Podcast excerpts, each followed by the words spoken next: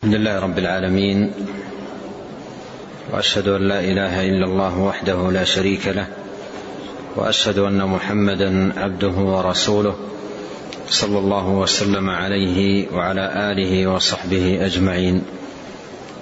اللهم علمنا ما ينفعنا وزدنا علما. اللهم إنا نسألك علما نافعا ورزقا طيبا وعملا متقبلا. اللهم وفقنا لما تحبه وترضاه من سديد الأقوال وصالح الأعمال. نعم. بسم الله الرحمن الرحيم. الحمد لله رب العالمين والصلاة والسلام على عبد الله ورسوله نبينا محمد وعلى آله وصحبه أجمعين. قال الشيخ العلامة أبو عبد الله عبد الرحمن بن ناصر السعدي رحمه الله تعالى في كتابه الدين الصحيح يحل جميع المشاكل. قال رحمه الله المشكلة, المشكلة الثانية مشكلة العلم.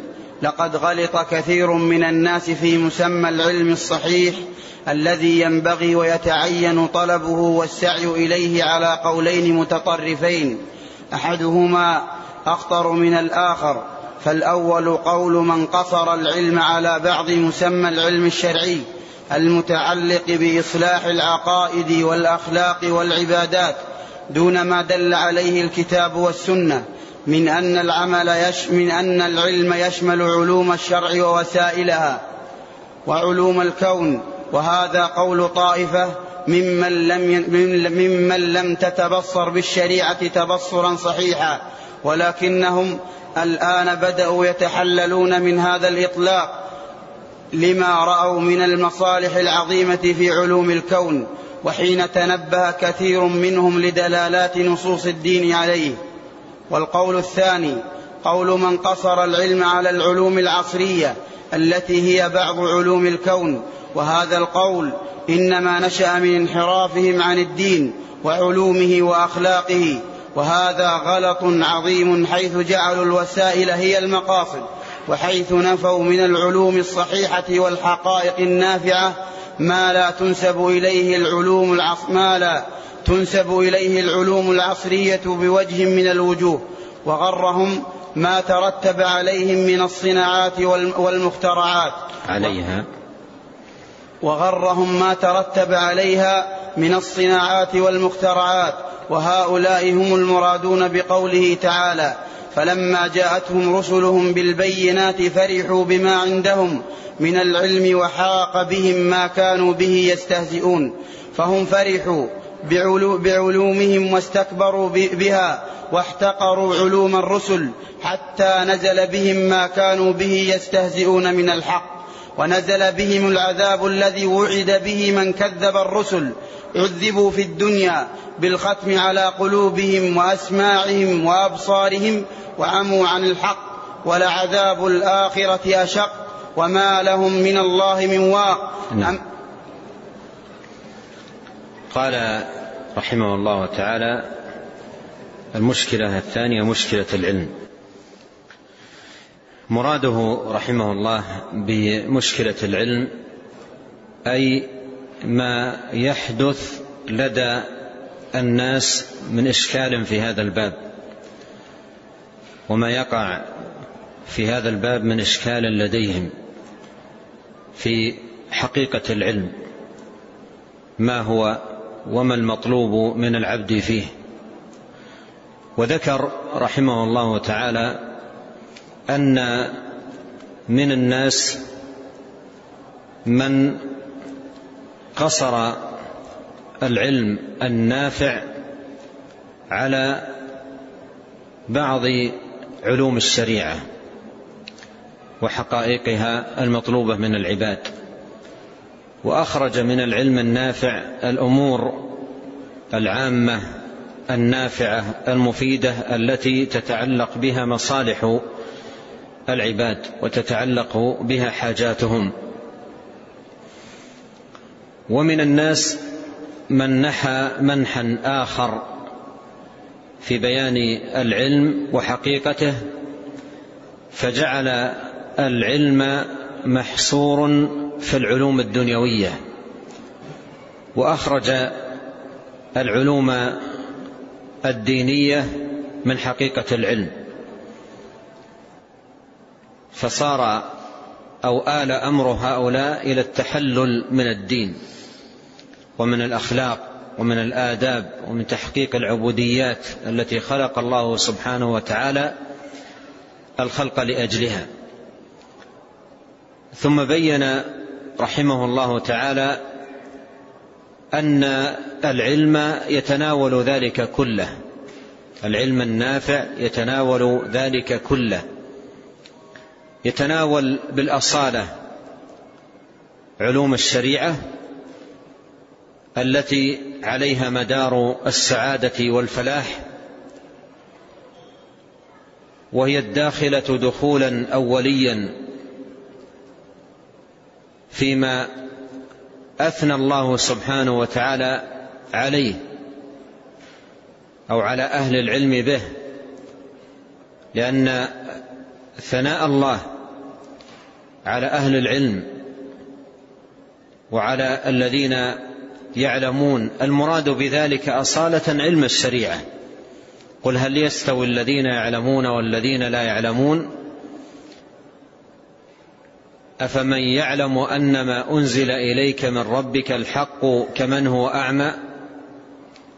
يرفع الله الذين آمنوا منكم والذين أوتوا العلم درجات؟ وما, وما جاء في هذا المعنى من آيات المراد به العلم الشرعي الذي يصل به العبد إلى رضوان الله سبحانه وتعالى وجنته. كذلك النصوص نصوص السنة في مدح العلم والثناء على أهله. من سلك طريقا يلتمس فيه علما سهل الله له به طريقا إلى الجنة.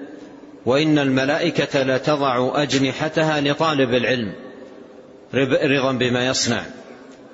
إلى أن قال وإن العلماء ورثة الأنبياء فإن الأنبياء لم يورثوا دينارا ولا درهما وإنما ورثوا العلم. وإنما ورثوا العلم فمن أخذه أخذ بحظ وافر. وقوله عليه الصلاة والسلام من يرد الله به خيرا يفقهه في الدين.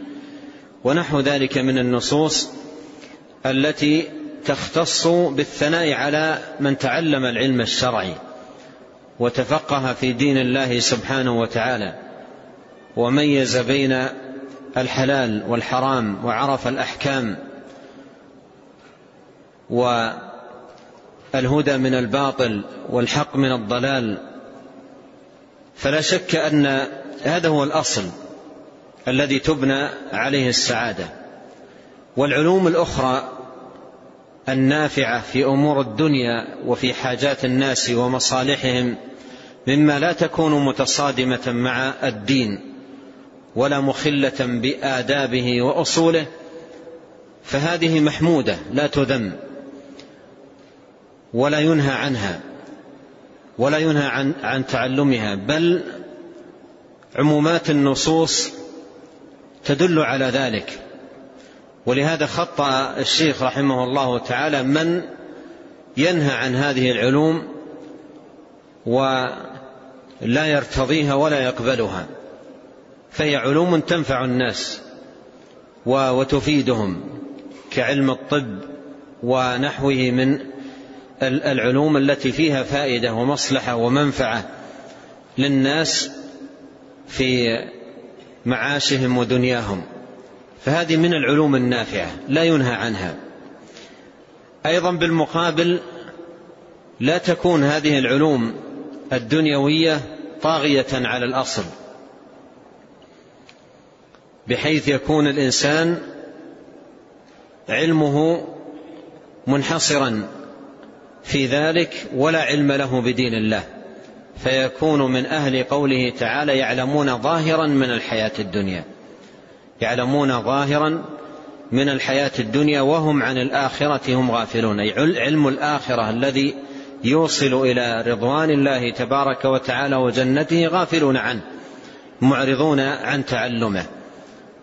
ولهذا يوجد كثير في الناس من يكون بصيرا ببعض علوم الدنيا أو العلوم الدنيوية ولكن الأمور التي تعلم من الدين بالضرورة يجهلها ولا فقه له فيها. وهذه مصيبة وبلية عظيمة بحيث تصبح حال الإنسان في علمه في حدود هذه الحياة الدنيا. أما ما يتعلق بالآخرة وما يقرب إلى الله سبحانه وتعالى فلا نصيب عنده من ذلك. وفي الدعاء الماثور عن نبينا صلى الله عليه وسلم اللهم لا تجعل الدنيا أكبر همنا ولا مبلغ علمنا. اللهم لا تجعل الدنيا أكبر همنا ولا مبلغ علمنا. الدنيا تكون مبلغ علم الإنسان عندما تكون علومه منحصرة. في العلوم الدنيوية. أما إذا لم تكن منحصرة في العلوم الدنيوية وتفقه في دين الله ولا سيما ضروريات الدين وواجباته فإنه لا يذم على تعلمه العلوم النافعة المفيدة التي فيها مصلحته ومصلحة العباد. فهذا لا يذم على ذلك ولا ينهى عنه. والحق قوام بين من ينهى عن هذه العلوم نهيا كليا ويحذر منها وبين من يجعل هذه العلوم هي علومه معرضا عن علم الآخرة وعن العلوم المقربة إلى الله سبحانه وتعالى. نعم. قال رحمه الله أما مدلول العلم النافع ومسماه الذي دل عليه الكتاب والسنة فهو كل علم أوصل إلى المطالب العالية وأثمر الأمور النافعة. لا فرق بين من ما تعلق بالدنيا أو بالآخرة. فكل ما هدى إلى السبيل ورق العقائد والأخلاق والأعمال فهو من العلم وقسم العلوم إلى قسمين مقاصد ووسائل توصل إليها وتعين عليها. أولا ذكر رحمه الله تعالى مدلول مدلول العلم النافع و ومسماه الذي دل عليه الكتاب والسنة قال هو كل علم أوصل إلى المطالب العالية وأثمر الأمور النافعة. لا فرق في ذلك بين ما تعلق بالدنيا أو بالآخرة. لكن هذا لا بد فيه من قيد وضابط وهو أن لا تطغى علوم الدنيا على علم الآخرة. العلم المقرب إلى الله سبحانه وتعالى فإنه حينئذ يذم.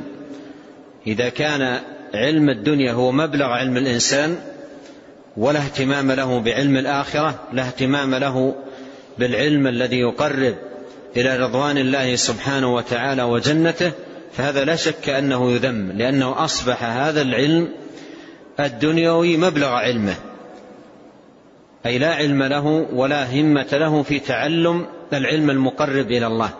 ففي مثل هذه الحالة يذم. لكن إذا كان مع هذا العلم تعلم علم الآخرة أو تعلم كحد أدنى ما يعلم من الدين بالضرورة من فرائض الإسلام وواجبات الدين فهذا في مثل هذه الحالة لا يذم بل هو علم نافع يحمد عليه صاحبه. وإذا صحبه في ذلك نية نية صالحة تحول إلى قربة من القرب. مثل أن يتعلم علم الطب أو نحوه من العلوم ليخدم الناس ويكون ساعيا في آه، علاجهم في شفائهم من الأمراض بإذن الله تبارك وتعالى. فيما يتعلق بالآلام المؤذية والمزعجة لهم فإذا استصحب هذه النية الصالحة كان في عمله في قربة إلى الله سبحانه وتعالى. فالشاهد أن هذه العلوم تمدح إذا لم تطغى على علم الآخرة ولم تكن هي مبلغ علم الإنسان وإذا صحب تعلمه لها نية صالحة تحولت بذلك إلى قربة من القرب التي يثاب عليها عند الله عز وجل. ثم قال وقسم العلوم إلى قسمين مقاصد ووسائل توصل إليها وتعين عليها. ومن المعلوم أن من القواعد الكلية أن الوسائل لها أحكام المقاصد. الوسائل لها أحكام المقاصد. فالمقاصد الواجبة وسائلها واجبة والمقاصد المستحبة وسائلها مستحبة والوسائل المحرمة وسائلها أيضا محرمة وما لا يتم الواجب إلا به فهو واجب.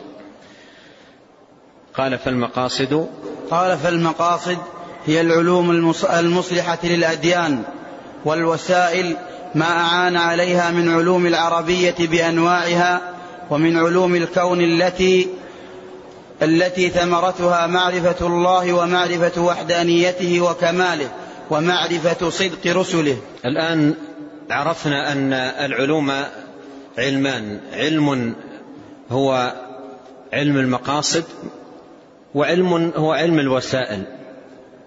ولا شك أن المقصد هو الذي يطلب أصالة وابتداء لأنه هو المقصد وهو الأساس. و وعرفه الشيخ رحمه الله بأنه العلوم المصلحة للأديان. هذا علم المقاصد العلوم المصلحة للأديان.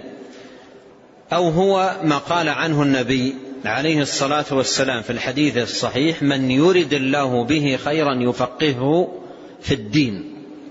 من يرد الله به خيرا يفقهه في الدين فهذا علم مقاصد. والنوع الآخر من العلم علم الوسائل.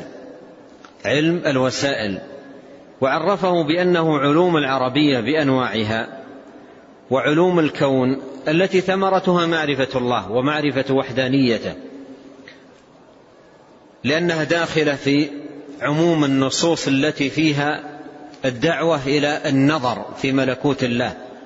وفي خلق الله والتفكر في النفس وما أودع الله سبحانه وتعالى فيها من الآيات العظيمة. قال أفلا ينظرون إلى الإبل كيف خلقت وإلى السماء كيف رفعت وإلى الجبال كيف نصبت وإلى الأرض كيف سطحت. وقال جل وعلا وفي أنفسكم أفلا تبصرون. فعلم الكون إذا استصحب فيه متعلمه نية صالحة زاده معرفة بالله وبعظمة الله وقدرة الله سبحانه وتعالى واطلع عن كثب على آيات الله العظيمة الدالة على وحدانيته. فكان ذلك من أسباب زيادة الإيمان وقوة الصلة بالله. فاذا هو وسيلة. بهذه الطريقة يكون وسيلة عظيمة. في باب المعرفة معرفة معرفة الله عز وجل والإيمان به سبحانه وتعالى. فهو وسيلة فإذا كان تعلمه في حدود ذلك صار نافعا للعبد نفعا عظيما. نعم.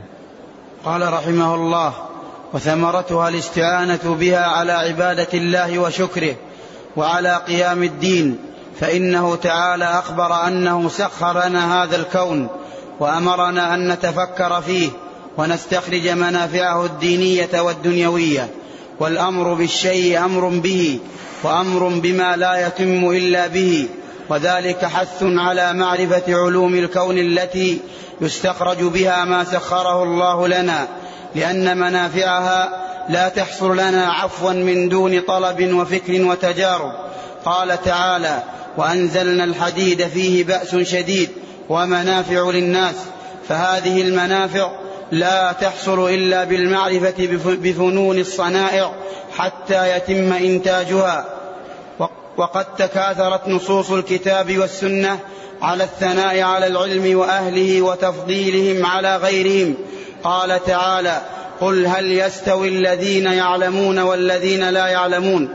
وإنهم أهل الخشية لله والمعرفة به إنما يخشى الله من عباده العلماء وأمر الجهال بسؤال أهل العلم. هنا يذكر رحمه الله تعالى ثمرة العلوم الكونية. ثمرة العلوم الكونية. وفائدتها للمسلم إذا تعلمها بنية صالحة وقصد طيب. فذكر أنها تعين العبد على عبادة الله وعلى شكره وعلى قيام الدين. واستدل لذلك بأن الله جل وعلا أخبر أنه سخر لنا هذا الكون وأمرنا أن نتفكر فيه ونستخرج منافعه الدينية والدنيوية. قال والأمر بالشيء أمر به وأمر بما لا يتم إلا به. فهذا فيه دلالة على أن تعلم علم الكون بنية صالحة يثمر آه، قوة في المعرفة بالله وآياته سبحانه وتعالى مما يقوي الإيمان به وتحقيق وحدانيته سبحانه وتعالى. ثم ذكر بعض الأدلة على ذلك ثم قال وقد أمر بعبادات كثيرة وعفى عن محرمات. هكذا في جميع نسخ الكتاب المطبوعة وعفى عن محرمات وهو خطأ والصواب ونهى عن محرمات وقد أمر بعبادات كثيرة ونهى عن محرمات. نعم. والأمر بالشيء والنهي عنه لا يمكن امتثال الأمر واجتناب النهي إلا بعد علمه ومعرفته فجميع الأوامر الشرعية والنواهي تدل على وجوب تعلم العلم الذي تتوقف عليه كما أنه أباح معاملات وحرم معاملات لا, يم لا يمكن تمييز الحلال والحرام منها إلا بالعلم. وقد ذم من لم يعرف حدود ما أنزل, ما, ما أنزل على رسوله صلى الله عليه وسلم من الكتاب والحكمة. ذكر رحمه الله هنا قاعدة تبين مكانة العلم العظيمة ومنزلته العلية. قال إن الله عز وجل أمر بأوامر ونهى عن نواهي أمر بأوامر أعظمها توحيده ونهى عن نواه أخطرها الإشراك به جل وعلا. والأمر بالشيء والنهي عنه لا يمكن امتثال الأمر واجتناب النهي إلا بعد علمه ومعرفته إلا بعد علمه ومعرفته. ولهذا فإن العلم مقدم على العمل وبه يبدأ. كما قال الله سبحانه وتعالى فاعلم أنه لا إله إلا الله واستغفر لذنبك. فبدأ بالعلم قبل القول والعمل. وكان نبينا عليه الصلاة والسلام كل يوم بعد صلاة الصبح يقول في دعائه اللهم إني أسألك علما نافعا ورزقا طيبا وعملا متقبلا. فبدأ عليه الصلاة والسلام بالعلم النافع. قبل الرزق الطيب والعمل المتقبل. وذلك لأنه بالعلم النافع يميز بين الرزق الطيب والخبيث وبين العمل الصالح والطالح. ومن لم يكن عنده علم نافع كيف يميز بين رزق خبيث أو طيب وبين عمل صالح أو طالح؟ فالعلم هو الميزان الذي توزن به الأمور. ويضيء للعبد طريقه ويعرف به الهدى من الضلال والحق من الباطل والخبيث من الطيب. كيف يتقي المحرمات من لا يدري بها ولا يعرفها؟ كما قال بعض السلف قديما كيف يتقي من لا يدري ما يتقي؟ نهى الله عن المحرمات ونهى عن الآثام وبين عقوباتها فكيف يتقيها من لم يتعلمها؟ كيف يتقيها من لم يقف على زواجرها في الكتاب والسنة وعقوباتها؟ وأيضا كيف يباشر الأوامر ويفعلها على الوجه الذي يرضي الله سبحانه وتعالى دون أن يكون عنده فقه وتعلم. قال والأمر بالشيء والنهي عنه لا يمكن امتثال الأمر واجتناب النهي إلا بعد علمه ومعرفته.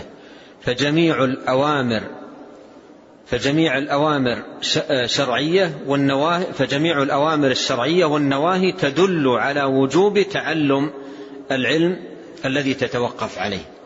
لأن ما لا يتم الواجب إلا به فهو واجب. كيف يصلي المسلم إلا بالعلم؟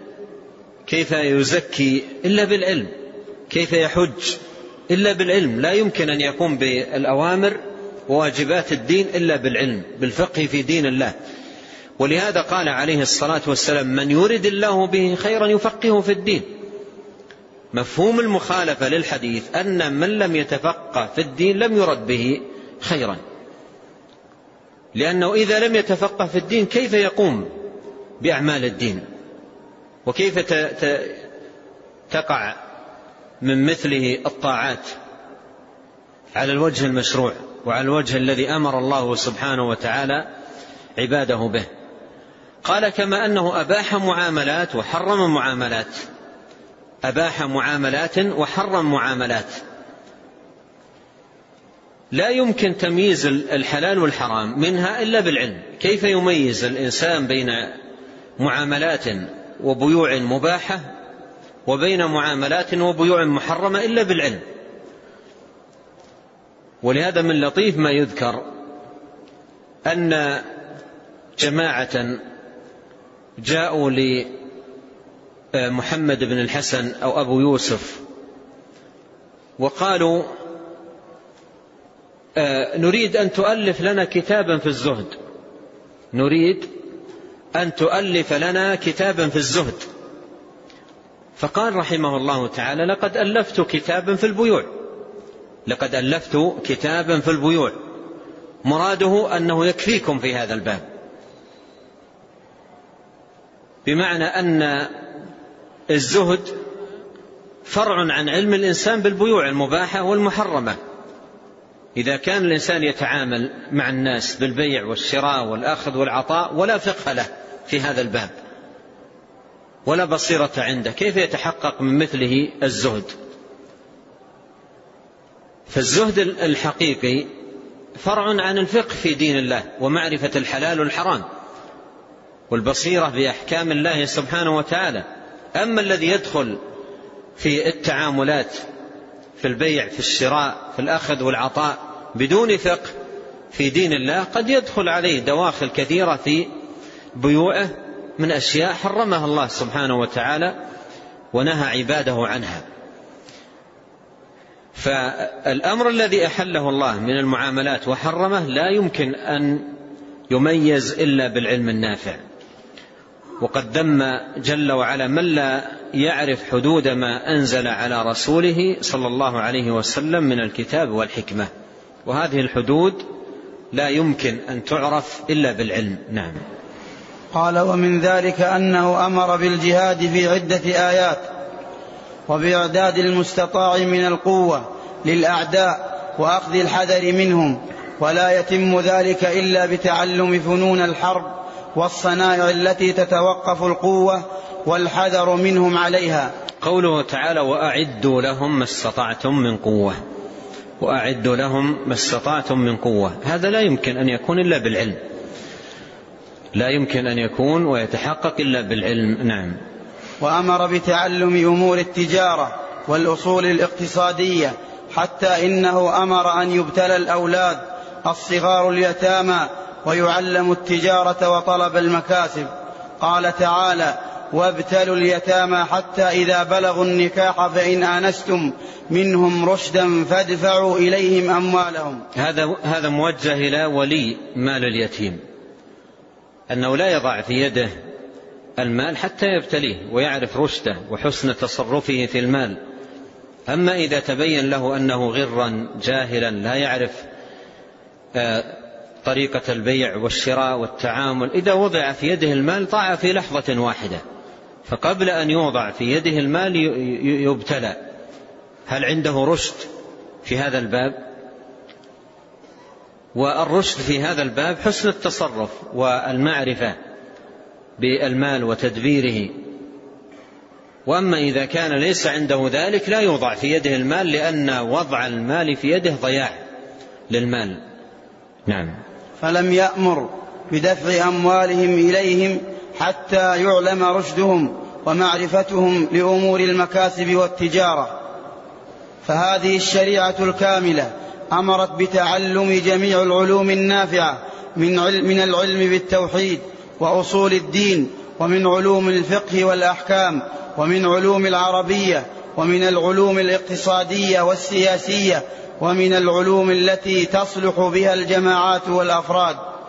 فما من علم نافع في الدين والدنيا إلا أمرت به هذه الشريعة وحثت عليه ورغبت فيه فاجتمع فيها العلوم الدينية والعلوم الكونية وعلوم الدين وعلوم الدنيا بل إنها جعلت العلوم الدنيوية التي تنفع من علوم الدين.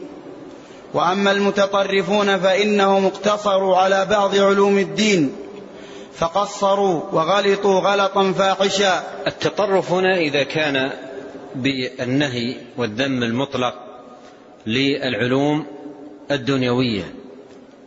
أما إذا كان ليس هناك نهي واقتصر طالب العلم على العلم الشرعي فقط والفقه في دين الله وأقبل على ذلك وكرس حياته وجهده لهذا الأمر لأنه أهم الأمور وأعظم المطالب والحاجة إليه أمس ولم يذم العلم النافع من العلوم الدنيوية لا يذم ولا يكون ذلك تطرفا منه. هذا مراد الشيخ رحمه الله تعالى نعم.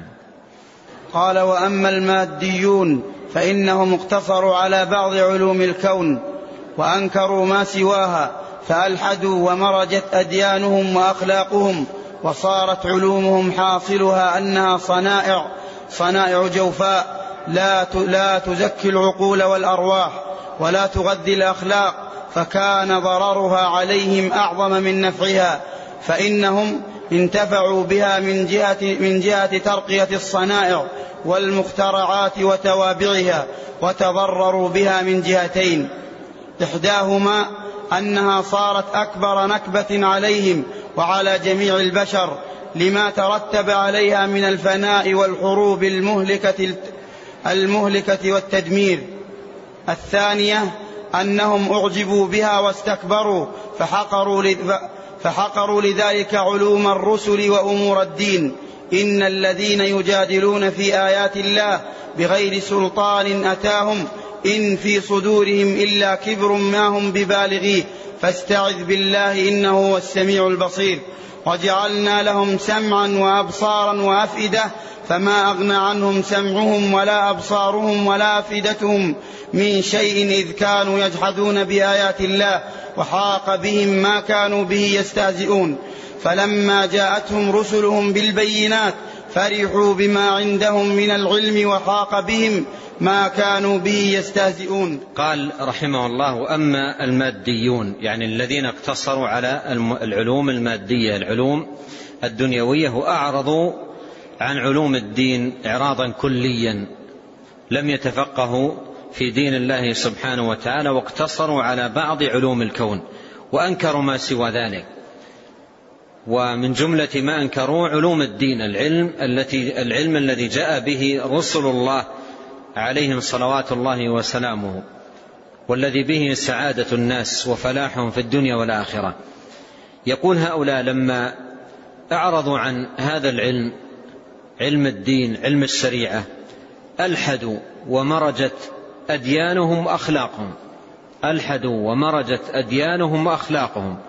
وصارت علومهم حاصلها أنها صنائع جوفاء. لا تزكي العقول والأرواح ولا تغذي الأخلاق. يعلمون ظاهرا من الحياة الدنيا وهم عن الآخرة هم غافلون.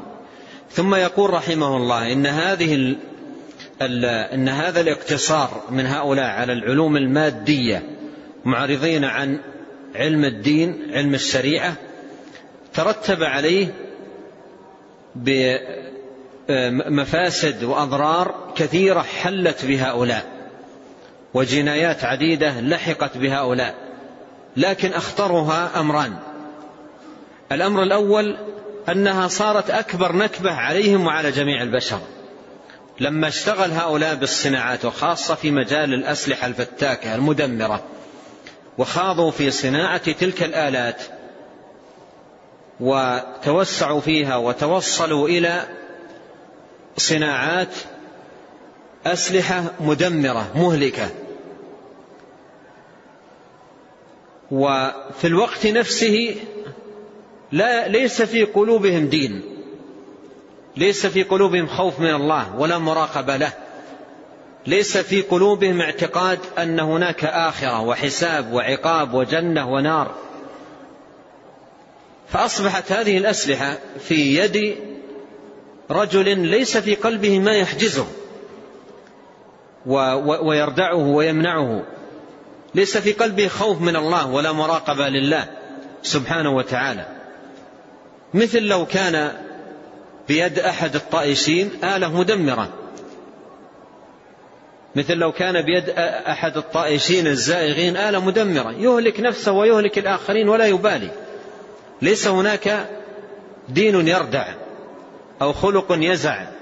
ليس هناك آداب تجردت قلوبهم وعلومهم عن العلوم الدنيوية التي تهذب وتزكي وتجعل الإنسان يحسن في التعامل ويراقب الله سبحانه وتعالى ويرحم. فهذه الأمور كلها انتزعت منهم لأن كل حياتهم تكرست في دراسة العلوم. الدنيوية علوم الصناعات علوم الآلات أما الدين فهم عنه غافلون ومعرضون. فهذه جناية. الجناية الثانية أنها أوجدت في قلوبهم استكبارا على الحق وتعال عليه. فإذا ذكر لهم شيء من علوم الدين المقربة إلى الله عز وجل سخروا واستكبروا وتجبروا وطغوا واحتقروا ورأوا أنهم هم أهل العلوم. وأنهم هم أهل البصيرة وأنهم وأنهم. وحاصل ما عندهم من علوم أمورا تتعلق بالدنيا فإذا فارقت أرواحهم أجسادهم انتهى كل شيء. وأقبلوا على الله سبحانه وتعالى وليس عندهم شيء يقربهم إلى الله ويدنيهم منه سبحانه وتعالى. فخسروا خسرانا مبينا. فالشيخ رحمه الله تعالى أشار إلى أن اقتصار هؤلاء على العلوم المادية معرضين عن العلوم المقربة إلى الله سبحانه وتعالى آه، ترتب عليه أن تضرر هؤلاء من جهتين. قال الجهة الأولى أنها صارت أكبر نكبة عليهم وعلى جميع البشر لما ترتب عليها من الفناء والحروب المهلكة والتدمير.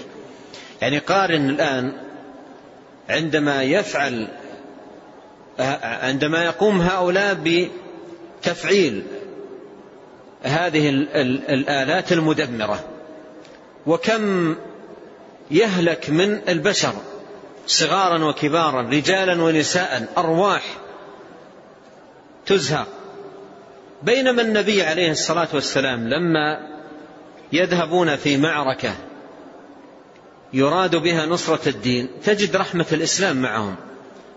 تجد آداب الإسلام. لا تقتلوا وليدا لا تقتلوا امرأة لا تقتلوا شيخا. تجد رحمة الإسلام ماضية معهم. يقتل المقاتلة الذين يحملون السلاح ويجابهون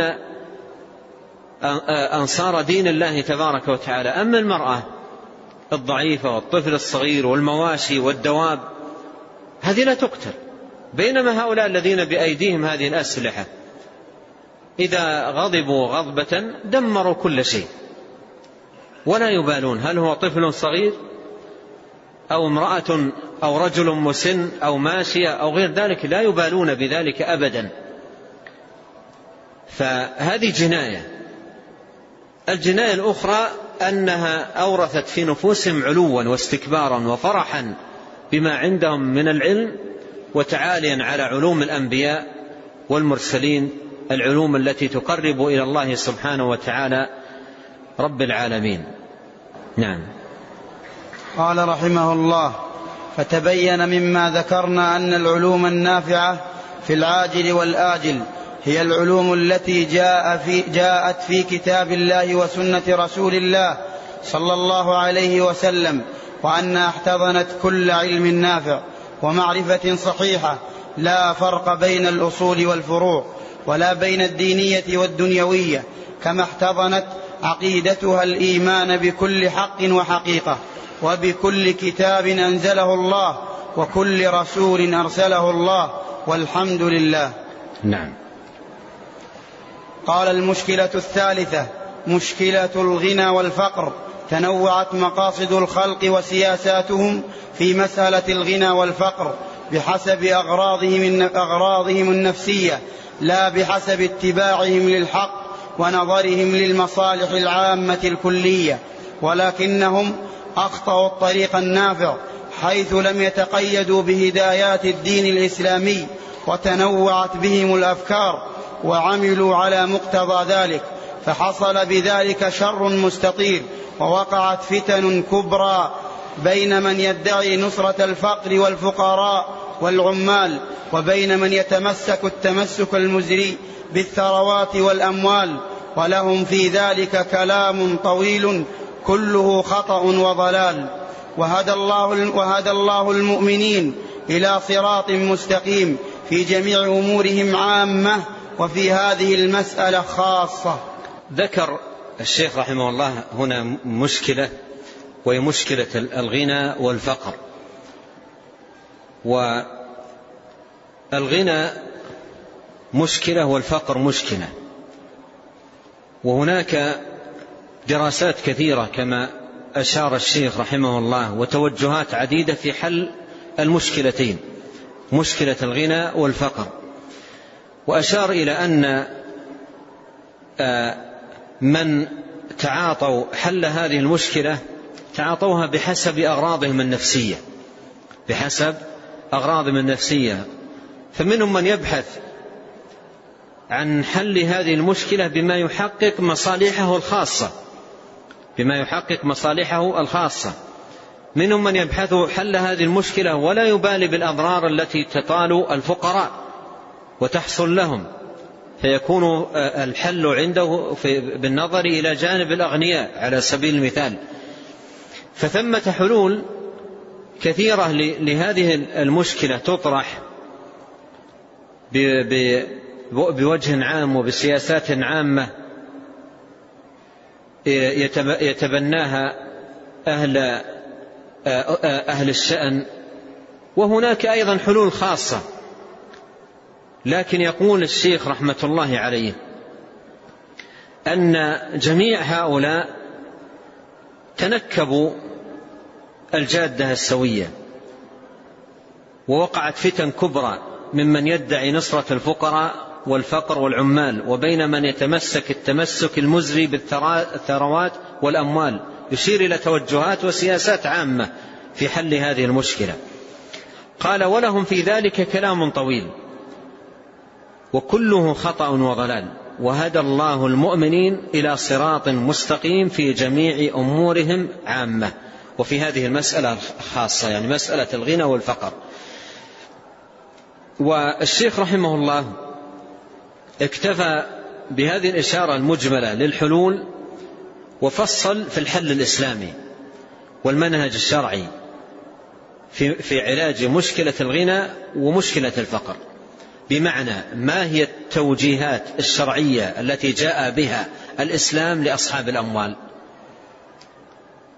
مما يحقق لهم السعادة والبركة وزيادة الربح والفوز بثواب الآخرة.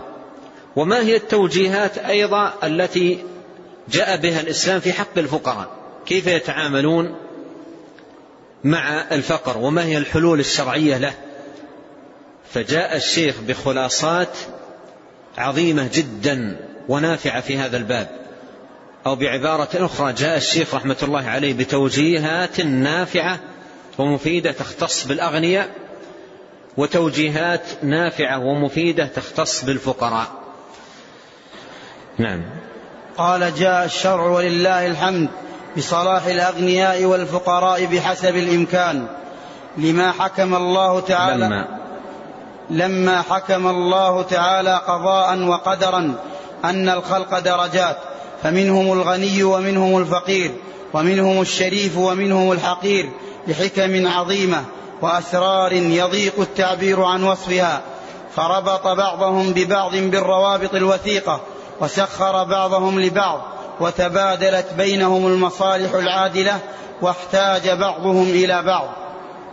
شرع الشارع الحكيم اولا أن يكونوا إخوانا والا يستغل بعضهم بعضا استغلالا شخصيا بل أرشد كلا منهم أن يقوم نحو الآخر بواجباته الشرعية التي يتم بها التي يتم التي يتم بها الالتئام. الالتئام وتقوم بها الحياة. الشيخ رحمه الله في حديثه عن هذه المسألة اولا بدأ رحمه الله بأن الله له حكمة له حكمة بالغة في جعل الناس منهم الغني ومنهم الفقير.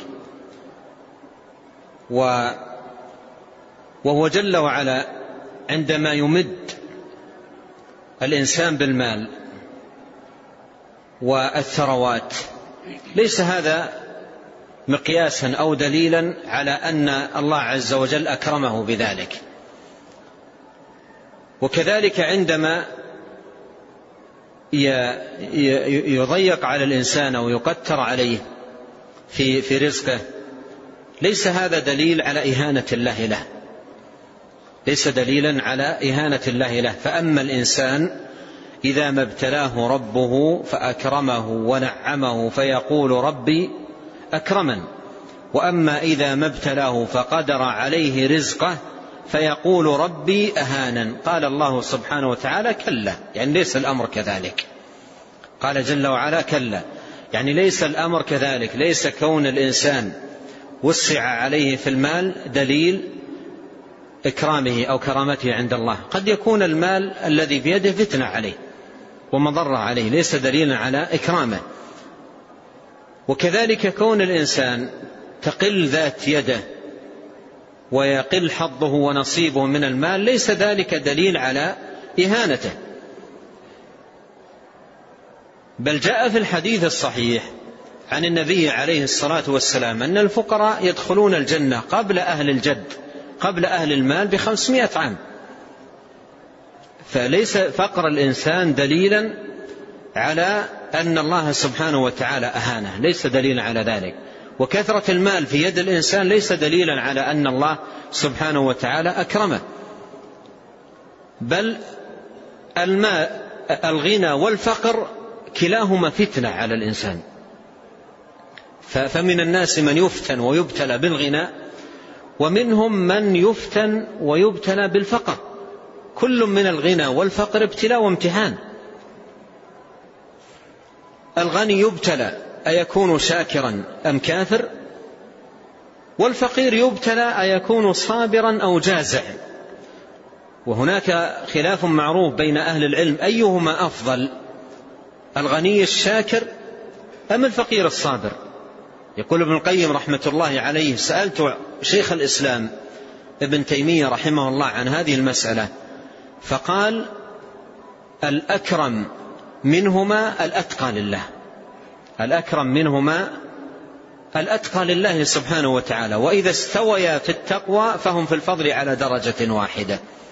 إذا استويا في التقوى فهم في الفضل على درجة واحدة.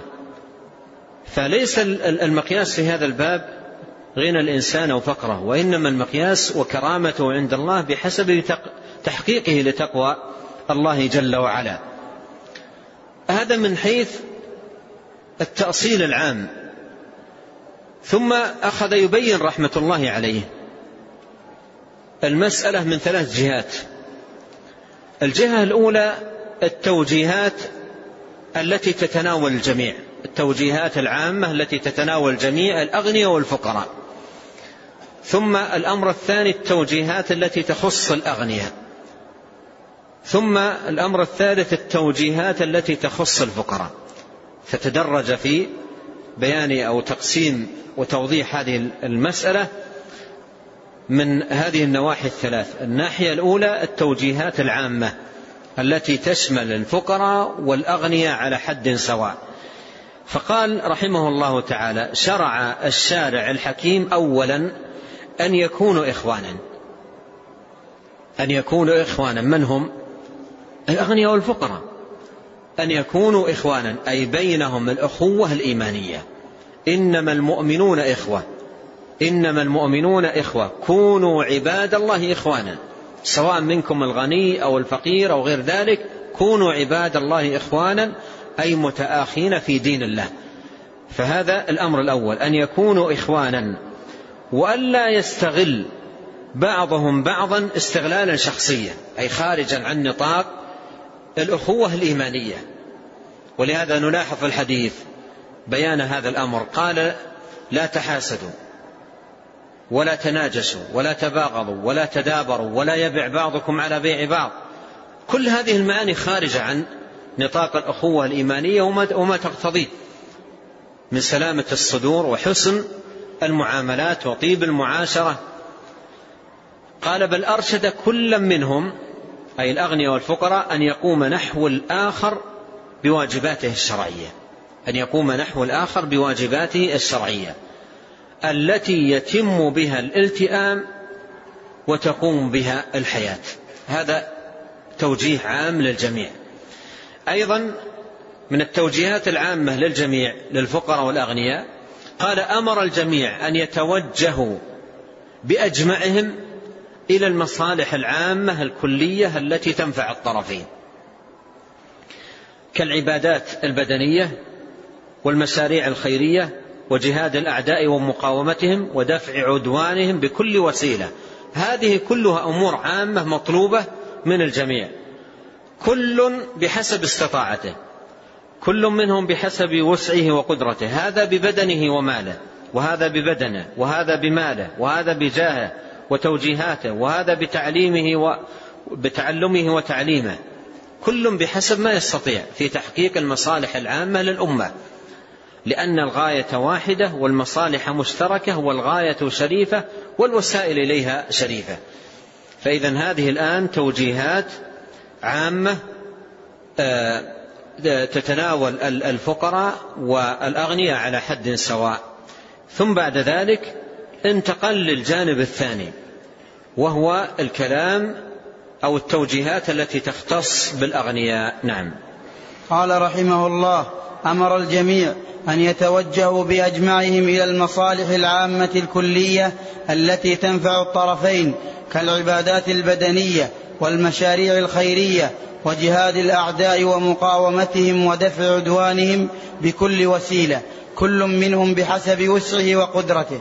هذا ببدنه وماله وهذا ببدنه وهذا بماله وهذا بجاهه وتوجيهه وهذا بتعلمه وتعليمه لأن الغاية واحدة والمصالح مشتركة والغاية شريفة والوسائل إليها شريفة. هذه الآن آه، كما عرفنا توجيهات عامة تتناول الأغنياء والفقراء على حد سواء. ثم بعد ذلك شرع رحمه الله تعالى في ذكر التوجيهات التي تختص بالأغنياء فقط. قال ثم أوجب في أموال الأغنياء فرضا الزكاة بحسب ما جاء في تفصيلها في تفاصيلها الشرعية وجعل مصرفها دفع حاجات المحتاجين وحصول المصالح الدينية الدينية المقيمة لأمور الدنيا والدين وحث على الإحسان في كل وقت وفي كل مناسبة وأوجب دفع ضرورة المضطرين وإطعام الجائعين وكسوة العارين ودفع الضرورات عن المضطرين وكذلك أوجبت النفقات الخاصة للأهل والأولاد وما يتصل بهم والقيام بواجب بواجب والقيام والقيام بواجبات المعاملات كلها الواقعة بين الناس وأمرهم مع ذلك ألا يتكلوا في كسب الدنيا على حولهم وقوتهم ولا ينظروا نظر استقرار استقرار وطمأنينة إلى ما عندهم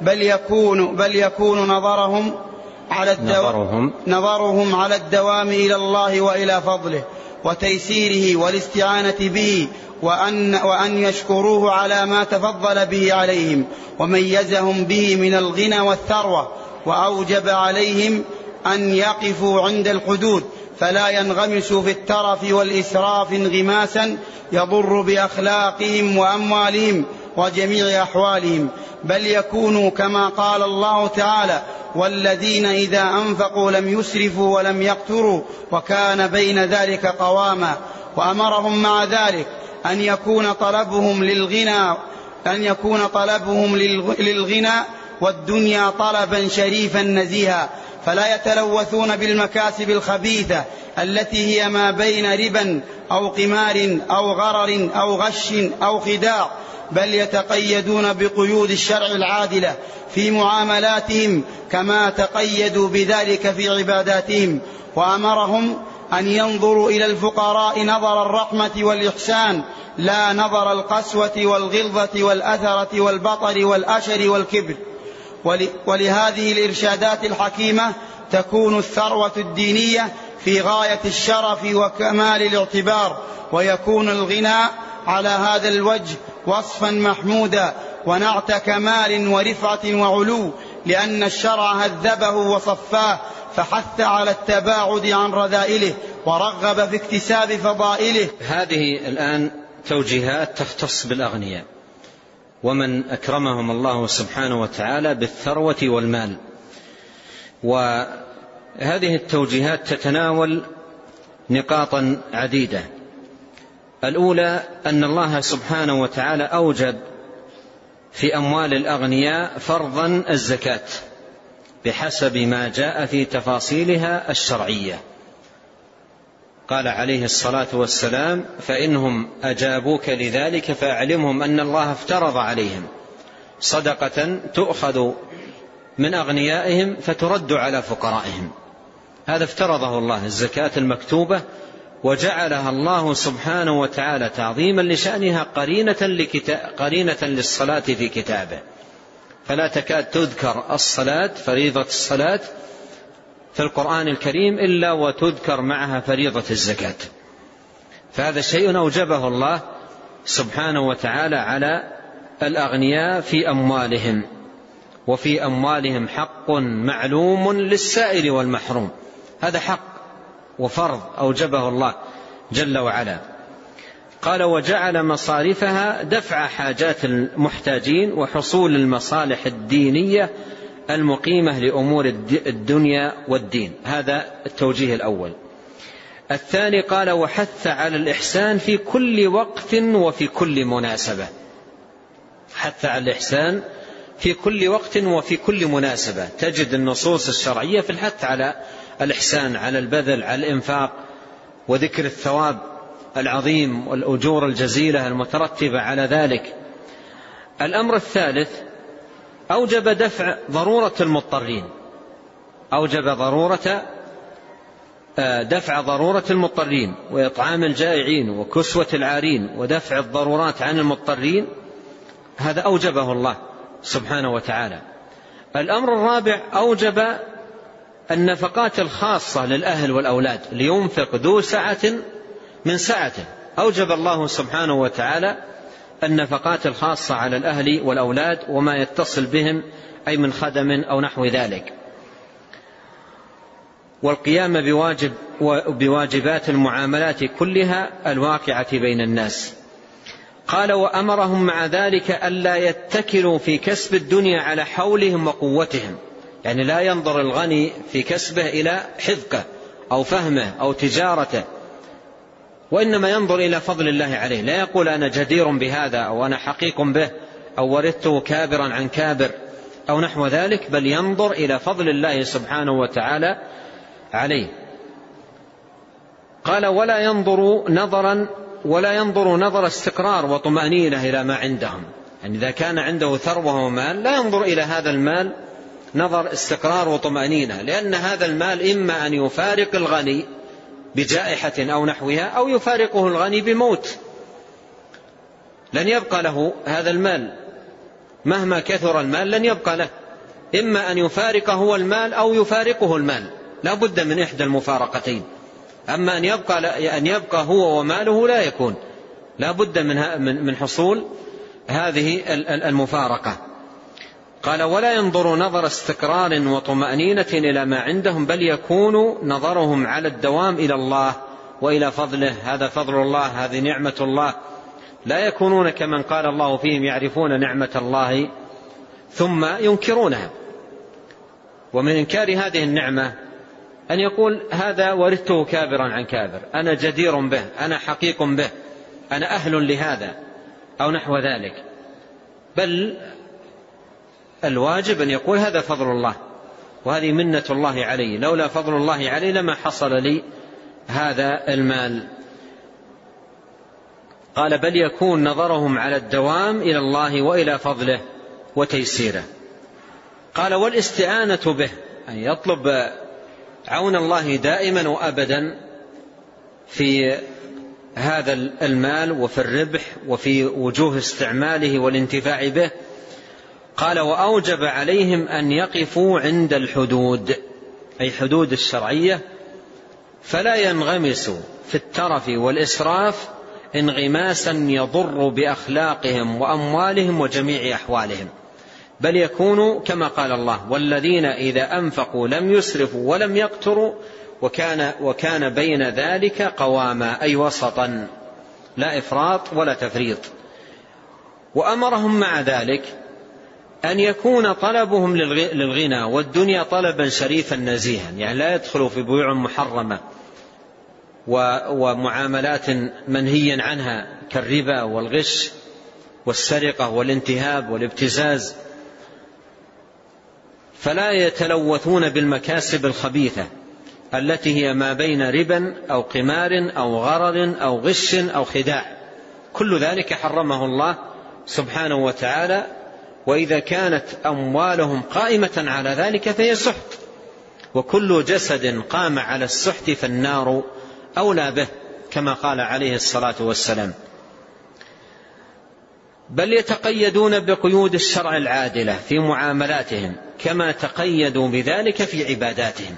يعني كما أنه مطلوب منهم أن يتعبدوا الله سبحانه وتعالى بما شرع متقيدين في العبادة بقيود الشرع وضوابطها فكذلك هم مطالبون في التجارة والكسب أن يتقيدوا أيضا بقيود الشريعة.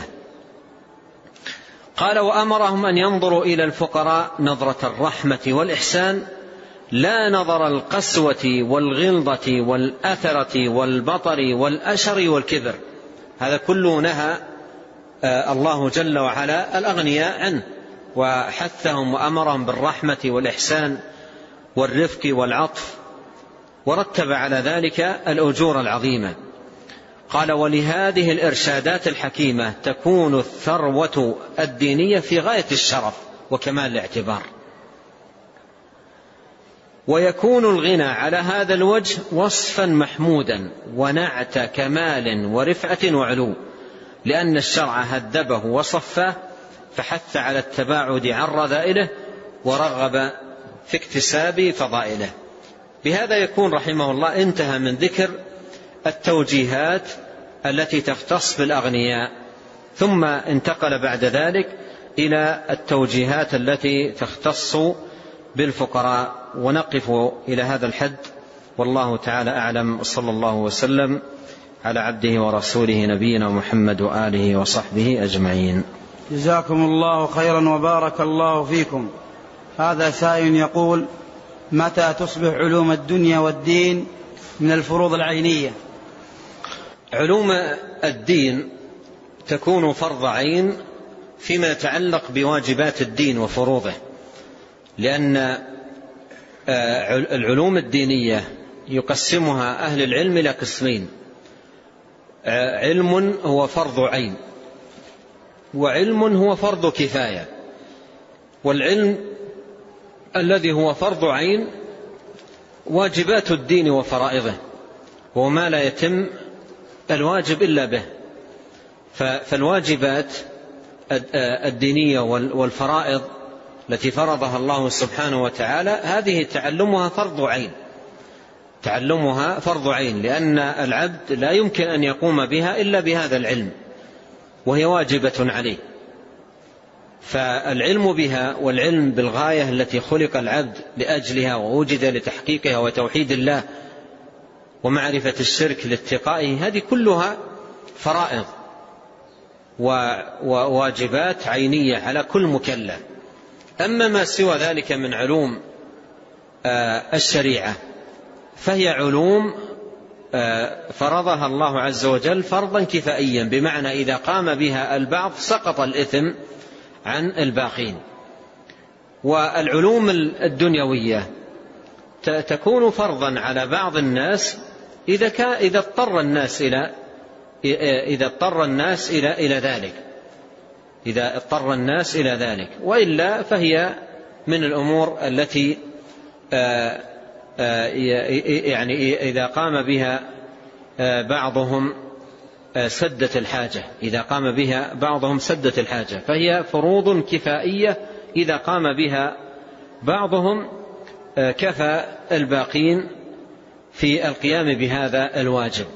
فإذا الفرض العيني الفرض العيني إنما يكون فقط في واجبات الدين وفرائض الإسلام. وما سوى ذلك فهو فرضا كفائيا. نعم. هذا يقول ما هي العلوم الكونية؟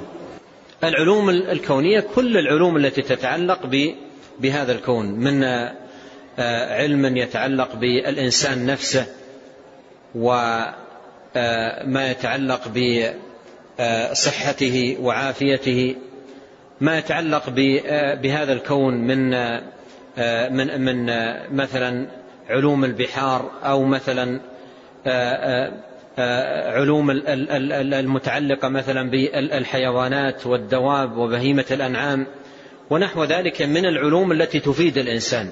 أفلا ينظرون إلى الإبل؟ كيف خلقت وإلى الجبال؟ كيف نصبت وإلى الأرض؟ كيف سطحت؟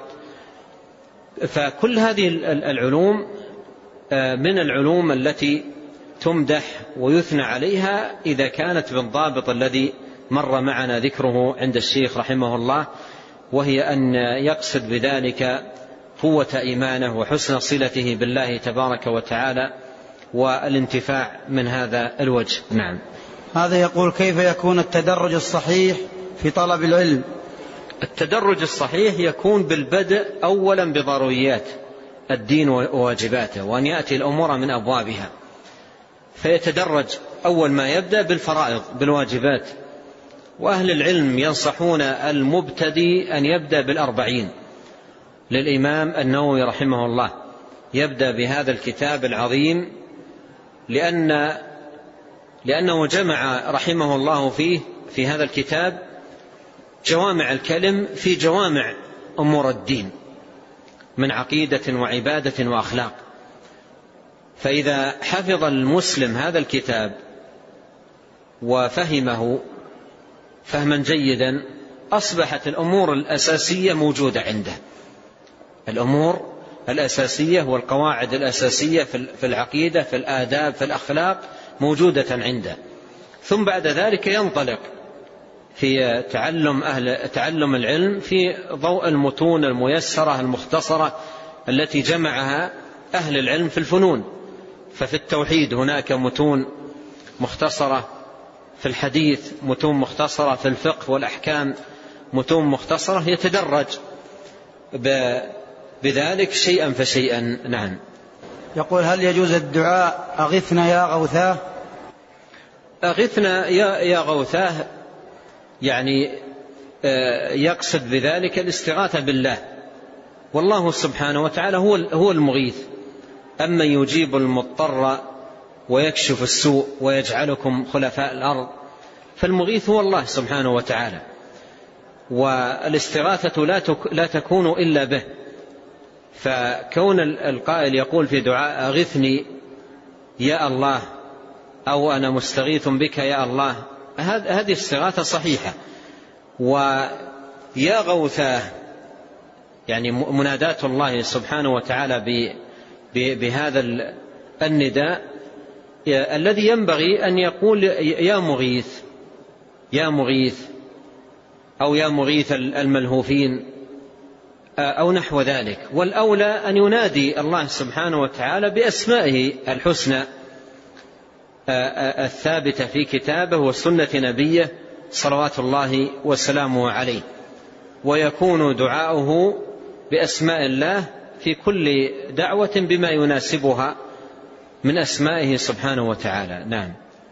هذا يقول كيف تكون العمرة بالطفل الصغير والطفل الرضيع؟ الطفل الصغير والطفل الرضيع يحرم يحرم عنه أو ينوي عنه وليه ويؤدي به جميع المشاعر من طواف وسعي وتقصير. يؤدي ذلك وتكون وينوي عنه ينوي عنه وله أجر في ذلك. وله أجر في ذلك. ولا تكون هذه العمرة مجزئة لهذا الصغير عن عمرة الإسلام. لأن عمرة الإسلام وحجة الإسلام لا تكون إلا بعد البلوغ. لكن إذا اعتمر به والده أو حج به والده صغيرا كان لوالده بذلك أجرا. نعم. هذا يسأل الحديث في السلسلة الصحيحة للألباني رحمه الله مرفوعا كان داود عليه السلام أعبد البشر. ما ما أذكر يعني الحديث لكن إذا صح آه، هذا الحديث فيحمل على أنه أعبد البشر في في زمانه.